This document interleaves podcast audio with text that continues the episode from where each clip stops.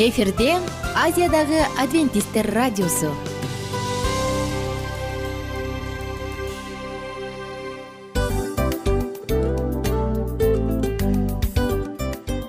Достор салют.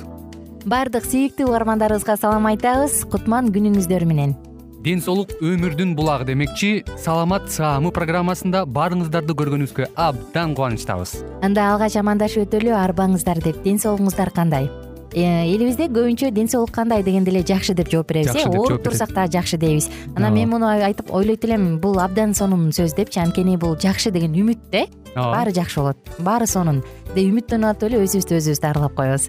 Анысы кандай? Сиздин дагы ден соолугуңуз жакшы беш деген үмүттөбүз чындыгында ден соолук бул өмүрдүн булагы деп бекеринен айтылган эмес деп ойлойм. Кыргыз элинде анткени эгерде ден соолук жок болсо анда адамдын жашоосунда калган баардык керектүү маңыздуу нерселер өзүнүн баалуулугун жоготуп коет. Ошондуктан ден соолук бул эң керектүү нерсе. Ооба туура айтасың кесиптешим. Чынында ден соолугуң жок бир эки үч күн ооруп калсаң эле э кандай болуп калат? Жашоодо көз каранды болуп каласың көп нерсеге жетишпей каласың көп нерсени кыла албай каласың жада калса эшикке дүкөнгө да чыга албай каласың. Туптуура анан ден соолук болсо демек биз биздин бактыбыз тотой деп койсок болот. Анда достор саламат саамы рубрикабызды баштайлы. Алдыда өзүңүзгө керектүү болгон сонун кеңештерди уга аласыздар. Мына ошондуктан биз менен бирге болуңуздар. Ал эми биз болсо милан жана айнура. Кеттик алга. Алга саламат саама ден соолуктун жарчысы. Саламат саама ден соолуктун ачкычы. Күн сайын сиз үчүн мыкты кеңештер сонун жаңылыктар кызыктуу фактылар биздин рубрикада.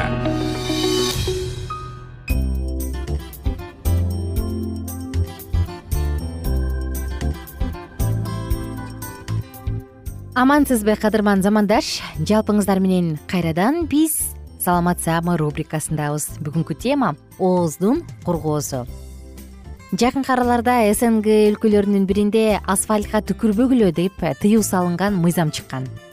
Ооба бул ар кандай бир жугуштуу оорулардын алдын алыш үчүн профилактика болсо дагы бирок ар бир адам үчүн өтө эле пайдалуу. Анткени шилекей бул биздин организмде эң эле керектүү жана маанилүү суюктук. Элестетип көрүңүз мына ошондуктан бул шилекейди баалаш керек жана сакташ керек. Эгерде сиздин ооз көңдөйүңүз суусагандан же стресстен эмес башка себептен улам кургап жатсачы балким сиздин ден соолугуңузда көйгөй бардыр. Келиңиз бүгүнкү уктурууда ооздун кургоосу жөнүндө кененирээк маалымат айтып берели. Ооз көңдөйүнү нымдуу абалда сакташ үчүн керектүү өлчөмдө шилекей бөлүнүп чыкпай ооз кургай баштаган учур ооздун кургашы болуп саналат. Ооз көңдөйүнүн кургактыгы чайнаганга сүйлөгөнгө жолдо кылат кариес жана инфекцияларды өзгөчө гингивит жана пародонтитти пайда кылат шилекей аз бөлүнүп калган учурлар башка көптөгөн оорулардын симптому жана организмдин абалы десек дагы болот.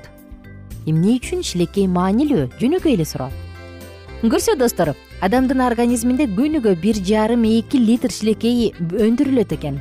Ооздогу тамактын комогун суулап эритиш үчүн былжыр челге түшкөн микроорганизмдерди зыянсыздандырыш үчүн ооз көңдөйүндөгү кычкыл шакарын тең салмакта кармаш үчүн шилекей керек шилекейдин курамындагы птеолин ферментинин жардамы менен ал тамак сиңирүү процессин баштайт ошондой эле углеводдордо дагы бай азыктар болот. Шилекей тиштердин айланасында коргоочу пленканы пайда кылып тиштерди коргойт. Анын курамындагы антитело жана антиинфекциондук белоктордун жардамы менен шилекей ооз көңдөйүн инфекциялардан сактайт. Ошондой эле ал ооз көңдөйүндө байырлаган ар кандай микроорганизмдердин ортосунда нормалдуу балансты сактап алардын кайсы бирлерине көбөйүп кетүүгө жол бербейт. Өзүңүздүн шилекейиңизди сүйө баштадыңызбы? Анда андан ары бизди угуңуз. Ооз көңдөйүнүн кургактыгы инфекцияда дем алуу жана нерв системаларында ашказан ичеги ооруларында жана аутоиммундук процесстерде байкалып келет.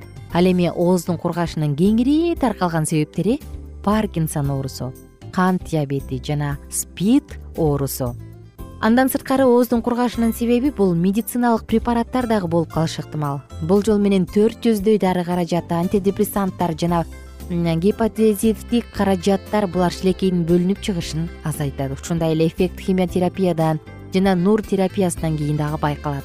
Дагы бир себеп жаракат алуу же травмадан кийинки беттеги нервтердин сезгениши. Мунун биринчи эле кезектеги себеби айтсак бул терапевт айта алат да. Анан ал оорулууну диагнозду даана коюш үчүн керектүү адиске жөнөтөт. Стоматолог инфекционист невролог гастроэнтеролог же отоларинголог болушу мүмкүн. Эгерде эртең мененкисин уйкудан ойгонгондо ооз кургап калса же түнкүсүн тынчсыздандырса а күндүзү кургабаса демек бул коңурук тартуунун кесепети. А бул мурун көңдөйүнүн кыйшайганынан мурундагы полиптен полиноздон аллергиялык риниттен мурун бүтүү же гаймориттен улам болушу мүмкүн. Жогоруда айткандай эле ооздун кургашы кайсы бир антибиотик гипотензиялык грибокко каршы тынчтандыруучу миорелаксант антидепрессант антигистаминдик ооруну сездирбөөчү диарея же кусууну басуучу жана башка ушул сыяктуу дары дармектердин терс таасиринен дагы болот. Тердетип дене табын көтөрүп же чыйрыктырган ич өткөргөн кустурган кан жоготууга алып келген оорулардын баардыгы ооз кургоо сыяктуу симптомдорго алып келет. Анткени дене суусуздандырылат туурабы? Ал эми ооздун кургоосу чаңкоо менен коштолсо кант диабетинин эң башкы белгиси. Аялдарда кырк беш жаштан кийин жүрөктүн бат согушу баш айлануу менен коштолгон куроо менопаузанын башталганынан кабар берет. Көздүн жана ооз көңдөйүнүн кургашы сейрек кездешкен аутоиммундук оору шегрендин да симптому болушу ыктымал. Ал оору организмди байланыштыруучу ткандардын темир жана муундардын баардыгын талкалайт. Ошондой эле анемия гиповитаминоз бугок оорусу дагы оозду кургатат. Кээде мындай абалдын оору менен байланышы да жок болуп калат. Тагыраак айтканда организмде суюктуктун жетишсиздиги болушу ыктымал. Чоң шаарларда кеңселерде кондиционер менен иштеген адамдар ушундай абалдан көп кыйналат имаратта нымдуулук төмөндөгөндө организм суюктукка ошончолук муктаж өзгөчө жайында билебиз э достор. Диетологдордун айтымында эки сааттан ашык бир бөлмөдө жүрсөң нормалдуу балансты толтуруш үчүн ар бирибиз эки үч саат сайын жүз эки жүз миллилитр таза суу ичишибиз керек экен. Катуу чаңкоо менен кургоо спирт ичимдигин ичкенден кийин дагы болот. Муну көп ичкен адамдар билет э эртеси тим эле э, каны катып калат го ошондой эле түтүн былжыр кабыгына дагы таасир кылат. Чылым чегүү никотин шилекей бездеринин иштешин начарлатат. Бул нерсени дагы эске алыңыз. Ошондуктан чылым чегүү дагы ооздун кургоосуна алып келет. Эми достор ооздун кургашынан кантип арылабыз ооз көңдөйүнүн гигиенасын сактаңыз. Ар бир тамактанган сайын тиш жууңуз сахар крахмал бала азыктарды жебегенге аракет кылыңыз. Фтору бар суюктуктар менен ооз чайкаңыз кофе табак жана алкоголдук ичимдиктерден качыңыз. Суу жана сахарсыз башка суюктуктарды ичип туруңуз. Сахарсыз сагыз чайнаңыз. Сахарсыз лимон корица же мята даамданган момпо суйларды соруңуз тамакка болсо лимон апельсин жана башка цитрустарды пайдаланыңыз. Алар шилекейдин көп бөлүнүшүн шарттайт. Өзгөчө түнкүсүн абаны нымдандыруучу нерселерди коюңуз. Эгер кургак тамак жесеңиз мисалы нанды аны сууга малып алыңыз же чайнап жатканда бир аз суу жутуп коюңуз. Оозду кургатуучу дары дармектерден баш тартыңыз же башкасы менен алмаштырыңыз. Эгер ооз дайыма кургай берсе анда сөзсүз түрдө доктурга барыңыз. Эгерде себеби кайсы бир оорунун кесепети болсо анда өз алдынча аракет кыла бериңиз. Баарынан мурун жаман адаттардан арылыңыз.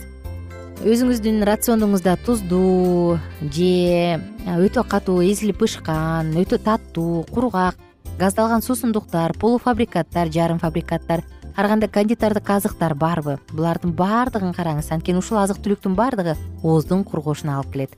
Анын ордуна тамагыңызга рационуңузга жаңы жашылча жемиштерди кошуңуз.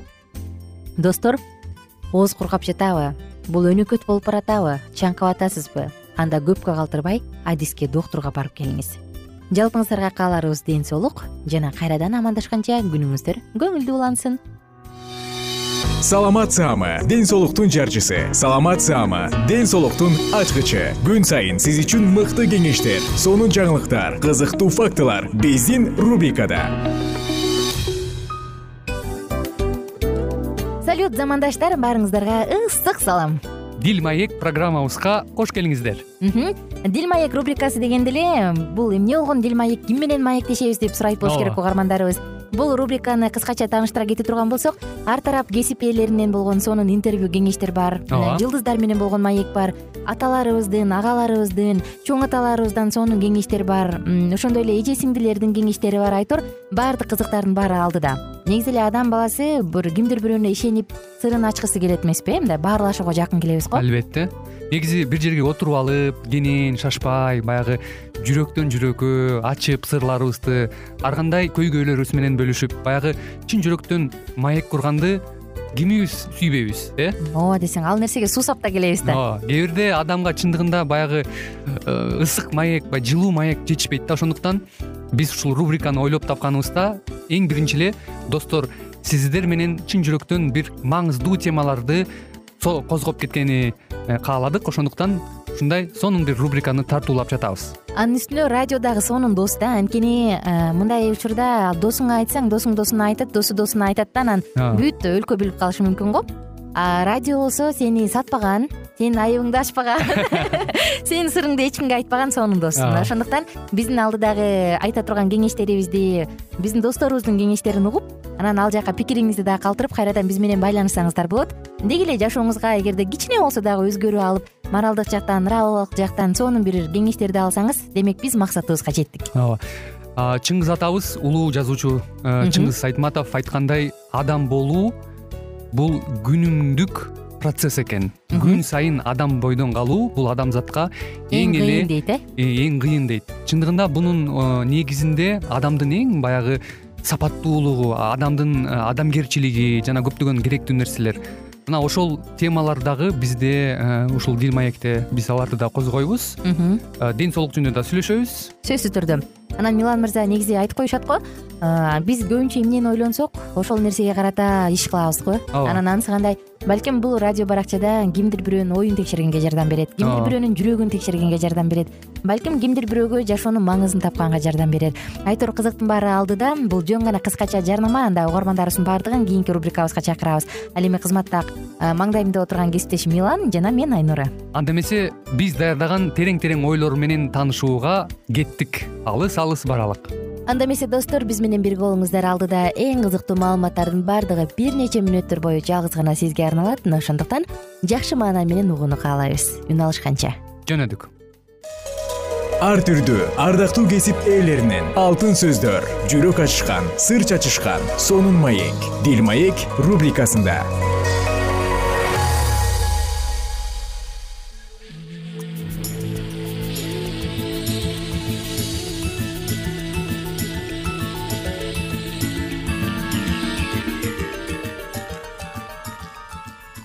кутмандуу күнүңүздөр менен кымбаттуу радио угармандарыбыз кайрадан эле сиздердин назарыңыздарда бактылуу никенин баалуу эрежелери аттуу программабызда кездешип жатканыбызга өтө кубанычтабыз. Микрофондо кызматыңыздарда мен улан жана ошондой эле кесиптешим асель биз сиздер менен бүгүнкү программабыздын чыгарылышында өткөн берүүбүздө сөз кылып өткөндөй эле никелик жашоодогу жубайлардын ортосундагы айырмачылыктар туурасындагы маегибизди кайрадан эле улантабыз. Андыктан бүгүнкү программабызда биздин ободон алыстабай биз менен биргеликте өткөн берүүлөрүбүздө биз ийгиликке жетүү эркектерге өтө маанилүү экендиги жөнүндө сөз кылганбыз.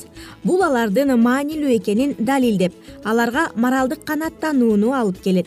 Бирок алар бул сезимди белгилүү бир ийгиликтерге эч кимдин жардамысыз эле өзүнүн күчү менен жеткенде гана сезишет. Эркектер баарын өздөрү кылганы менен сыймыктанышат ушундай өзүн өзү башкара билүү алар үчүн ишкердик сапаттардын бийиктиктин жана жеңүү жөндөмдүүлүгүнүн символу болуп саналат башкача айтканда кайра эле өзүнө болгон ишенимди бекемдөө. Эркектердин ушул өзгөчөлүктөрүн түшүнүп алгандан кийин аялдар аларды оңдогон же эмне кылышын үйрөткөн аялы эмне үчүн жаман көрөрүн түшүнө аласыз биз сиздерге эркек менен аялдардын сезимдерин жана кабыл алууларынын көрсөткөнгө аракет кылабыз. Бул сизге өзүңүздү жана эркектерди түшүнүүгө жардам берет деп терең ишенебиз аялдар эркектерге нааразы болуу менен көп учурда мындай дешет экен. Ал мени таптакыр укпайт аял көп жолу жолдошунун аны уккусу келбегенин айтып арызданса да баары ошол эле бойдон аял эркектердин өзү менен тилектеш болуп кайгысын тең бөлүшүп жана ага көңүл бөлүшүн каалайт. Ал эми эркектер аялдын көйгөйлөрүн чечиши керек деп гана ойлойт. Аялдын сезимдери жана башка менен болгон мамилеси кандай болсо анын өзүн өзү сезүүсү да ошого байланыштуу болот. Аялдардын башка баалуулуктары бар.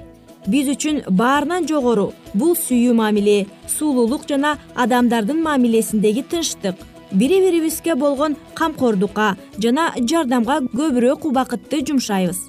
Аялдар үчүн биринчи эң маанилүү нерсе бул мамиле. Себеби башкалар менен болгон мамиле аркылуу башкалар менен өз көйгөйлөрүбүздү дагы сезимдерибизди бөлүшүү жана башкалардан кубанычтарын жана кайгыларын тең бөлүшүү аркылуу өзүбүздүн өз ордубузду табабыз.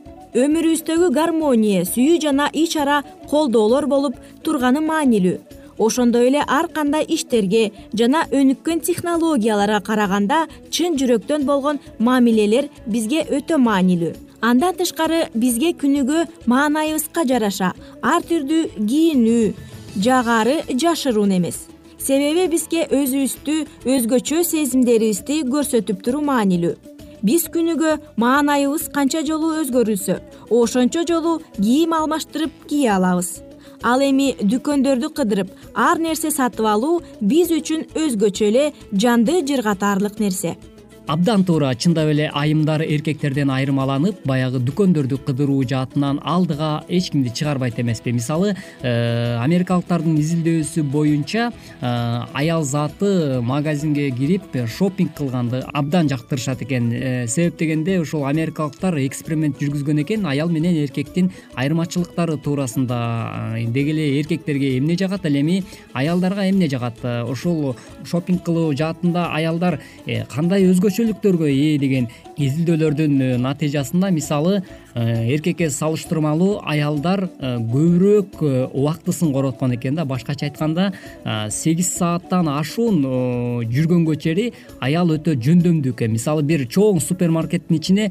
аялды киргизе турган болсоң эркек менен кошуп туруп ал сегиз саат деле мисалы аял ошол жерде жүрө берет экен. Ал эми эркек болсо ашып кетсе бир бир жарым саат эки сааттын ичинде эле чыгып кетет экен да жок дегенде эле эркек бир бир саат эки жарым саат аралыгында эле э, жүргөнгө э, анын э, даремети жетет экен. Ал эми аял болсо бир күн кечке ошол супермаркетти кыдырганга анын даремети жеткендиктен башкача айтканда ал ошол нерседен энергия жана күч кубат алат экен десек дагы болот. Демек бул жаатта аял заты ушунчалык ушул нерседен дагы өзүнө бир энергия топтойт десек дагы эч убакта жаңылбайбыз. Албетте эркектерге мунун баарын түшүнүүгө кыйын бирок алар бир нерсени жеңгенде гол киргизгенде кайсы бир көйгөйдү чечкенде кандай сезимдерге толгондугун эстешсе аялдардын да курдаштары менен сүйлөшүү аркылуу аларга тилектеш болуу башкалардын кайгыларын тең бөлүшүү аркылуу ошондой сезимдерге толоорун жакшыраак түшүнүшүп калышат эркектер менен аялдар бири биринин ортосундагы өзгөчөлүктөрдү сыйлагандыгы жана кабыл алгандыгын үйрөнүшкөндө гана ынтымакка жана тынчтыкта жашай алышат экен. Эркектер аялдардын мамилеге сүйлөшүүгө болгон муктаждыгын түшүнүшү керек. Себеби ушул аркылуу аялдар жеңилдеп жана кубаттанып алышат. Эгер жолдошунун айта турган сөзү жок болсо ал жөн гана жубайын угуп коюу менен чоң жардам бере алат экен мына ошентип биз дагы мырзалар сөзсүз түрдө өзүбүздүн жубайыбызды э, жөн эле баягы кош көңүл мамиле кылбастан сөзсүз түрдө аларды уга билген болсок дагы демек аялдын көңүлүн көтөргөнгө кандайдыр бир жардам жана демилгечи болуп э, берген болот экенбиз. Андыктан бул нерсени дагы мырзалар эч убакта эсибизден чыгарбайлы ал эми аялдар эркектердин стресстен чыгышы үчүн өз алдынча жалгыз болуу муктаждыгын түшүнүп туура мамиле кылуулары керек экен. Андыктан эсиңерде болсун эгер жолдошуңуз өзүнчө болуп көп сүйлөбөй калса бул анын сизди сүйбөй калгандыгы эмес бирок олуттуу бир көйгөйлөрдү чечип жаткандыгын билдирет. Мындай учурларда бири бириңерге чыдамкайлык менен мамиле кылганга аракет кылыңыз андан тышкары аны ушул учурда кандай болсо ошондой кабыл алып анын көңүл бөлүүсүн талап кылбай. Жумшагыраак жана тажатпай сураганга аракет кылгыла. Ошондо ал өз көңүлүн сизди көздөй бурат мына ошентип бүгүнкү берүүбүздө дагы эркек менен аялдын ортосундагы айырмачылыктар туурасында дагы кандайдыр бир кеңештерге э, орток боло алдык. Урматтуу угармандар бүгүнкү уктуруубузга дагы назар салганыңыздар үчүн ыраазычылык билгизебиз. Айтылган баардык кеңештер сиздердин жашооңуздарда жакшы ийгиликтерди алып келе берсин деген тилек менен баардыгыңыздардын үй бүлөңүздөрдө бактылуу никенин бактылуу никенин даамын татып жашай бериңиз деген тилек менен программабыздын көшөгөсүн жапмакчыбыз кайрадан эле биз сиздер менен аял менен эркектин ортосундагы болуп жаткан айырмачылыктар туурасындагы маегибизден кезиккенче сак саламатта болуңуздар. Ар түрдүү ардактуу кесип ээлеринен алтын сөздөр жүрөк ачышкан сыр чачышкан сонун маек дил маек рубрикасында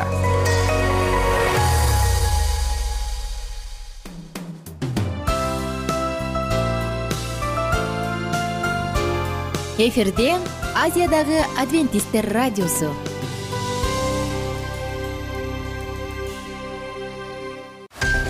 Жан дүйнөңдү байыткан жүрөгүңдү азыктанткан жашооңо маңыз тартуулаган жан азык рубрикасы.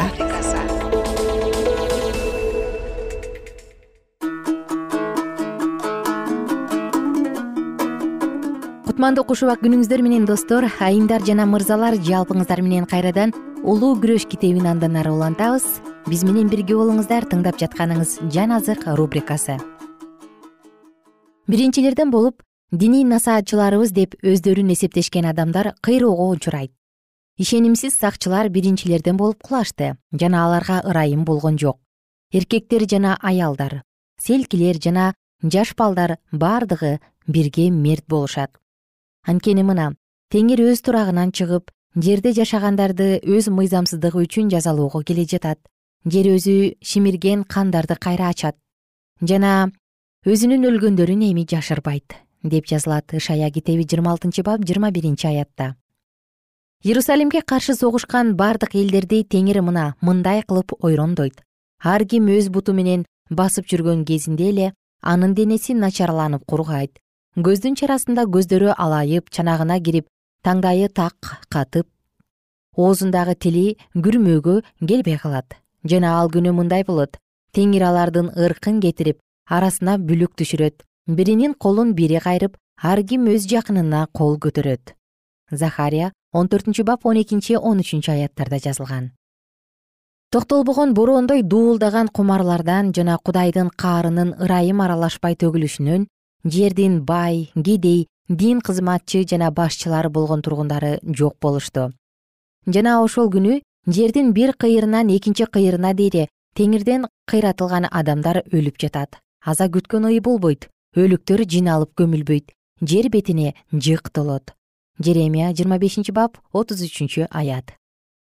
Машаяктын экинчи келишинде жердин адилетсиз тургундары анын оозундагы дем менен жана анын даңкынын жарыгы менен кыйратылат машаяк өзүнүн элин асмандагы шаарга алып жерде жашоо болбойт. Мына теңир жерди бүлгүнгө учуратат жана аны түшүм бербес жер кылат. Анын көрүнүшүн өзгөртөт жана анда жашагандарды туш тушка чачыратат. Акырында жер бүлгүнгө учурап ал таптакыр таланып калат. Анткени бул сөз теңирдин оозунан чыккан. Анткени алар заң мыйзамды бузду парыздарды өзгөртүштү түбөлүк осуятты бузушту ошон үчүн кара жерде каргыш жеп жатат жана анда жашагандар жазасын тартып жатат. Ошондуктан жерде жашагандарды өрт алды. Ышая жыйырма төртүнчү бап биринчи үчүнчү бешинчи алтынчы аяттарда жазылган. Бардык жер таштанды болгон чөл сыяктанып көрүнөт. Бардык жер үстүндө жер титирөөдөн талкаланган урандылар тамыры менен жулунган тал теректер суу аркылуу ыргытылып ташталган жана асканын сыныгынан учкан чоң чоң таштардын чачырандылары түп тамыры менен коңторулуп калган тоолордун орду эбегейсиз чоң аңдарга жана үңкүрлөргө айланган. Кыямат күндүн боло турган окуяларынын бардыгы болуп өттү. Жердеги үлгү кызматында улуу дин кызматчы ыйыктардын ыйыгы бөлүгүндө өз кызматын аткарып чыккандан кийин теңирдин алдына кое бериле турган теке алып келишкен. Жана бардык жамааттын алдында улуу дин кызматчы израиль уулдарынын бардык айыптарын бардык кылмыштарын бүт күнөөлөрүн текенин башына жүктөйт. Үчүнчү муса китеби он алтынчы бап жыйырма биринчи аят. Ушул сыяктуу качан асмандагы касиеттүү жайдагы кызмат кылуу аяктаганда теңирдин алдында асман периштелеринин катышуусу менен кудай элинин бардык күнөөлөрү шайтандын үстүнө жүктөлөт. Жана кудай элин жамандык жасаганга түрткөндүгү үчүн аны бардык жамандыктарга айыптуу деп жарыяланат. Кое берилген теке эч ким барбаган жерде жашаган сыяктанып шайтан дагы эч ким жашабаган ээн калган жер үстүнө куулат. Аян китебинде шайтандын куулушу жана жерде боло турган боштондук жөнүндө айтылган жана мындай абал миң жыл убакыт созула тургандыгын алдын ала баяндайт. Машаяк келгенден кийин адилетсиздердин талкаланышы пайгамбарлыкта мындай деп айтылган. Туңгуюктун ачкычын алып жана колунда чоң жынжыр кармап асмандан түшүп келе жаткан периштени мен көрдүм. Шайтан жана иблис деген ажыдаардын байыркы жылаанды ал кармап алып миң жылга кишендеп салды жана аны туңгуюкка кулатып кулпулап коюп ага мөөр басты. Ошону менен ал элдерди миң жыл бүткөнгө чейин адаштырбасын андан кийин ал бир аз убакытка бошонуш керек. Жазуунун башка жеринен туңгуюк деген жердин караңгы болуп өлгөнгө учурашы экендигин биле алабыз. Башындагы жердин абалын мукадас мындайча айтып түшүндүрүп кетет. Жер болсо жагымсыз бош болгон түпсүз туңгуюктуу караңгылык басып турган. Биринчи муса китеби биринчи бап экинчи аят. Пайгамбарлыкта жер жарым жартылай ушундай абалга келе тургандыгы баяндалат кыямат күнгө көз чаптыруу менен жеремия пайгамбар мындай деп айтат. Жерге көз жиберсем мына ал кыйратылып ээн калды. Асманга көз жиберсем ал жакта жарык жок. Тоого көз жиберсем мына алар титиреп жатат. Жана бүт адырлар солкулдап турат. Айланама көз салсам мына адам жок. Асмандагы куштар дагы туш тушка учуп кеткен. Карасам мына түшүмдү көп берүүчү жерлер дагы чөл болгон. Жана анын бүт шаарлары теңирдин ачуулуу каарынан кыйратылды. Жеремия китеби төртүнчү бап жыйырма үчүнчү жыйырма алтынчы аяттар.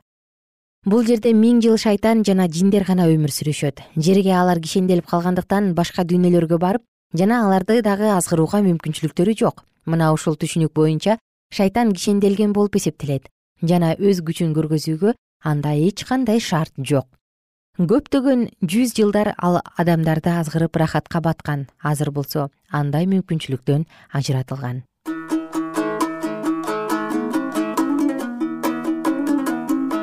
Кымбаттуу достор мынакей сиздер менен бирге биз дагы улуу күрөш китебинен жети мүнөт эң сонун текстин үзүндүсүн окуп өттүк. Жалпыңыздарга кааларыбыз күнүңүздөр көңүлдүү өтсүн. Жашооңузда боло турган баардык нерсе бир гана жакшылык болсун жашооңузда жалаң гана жакшылыктын жышааны болсун. А биз болсо сиздер менен утурумдук гана убактылуу коштошобуз жана кийинки уктуруудан жалпыңыздарды күтүп алабыз. Күнүңүздөр көңүлдүү улансын.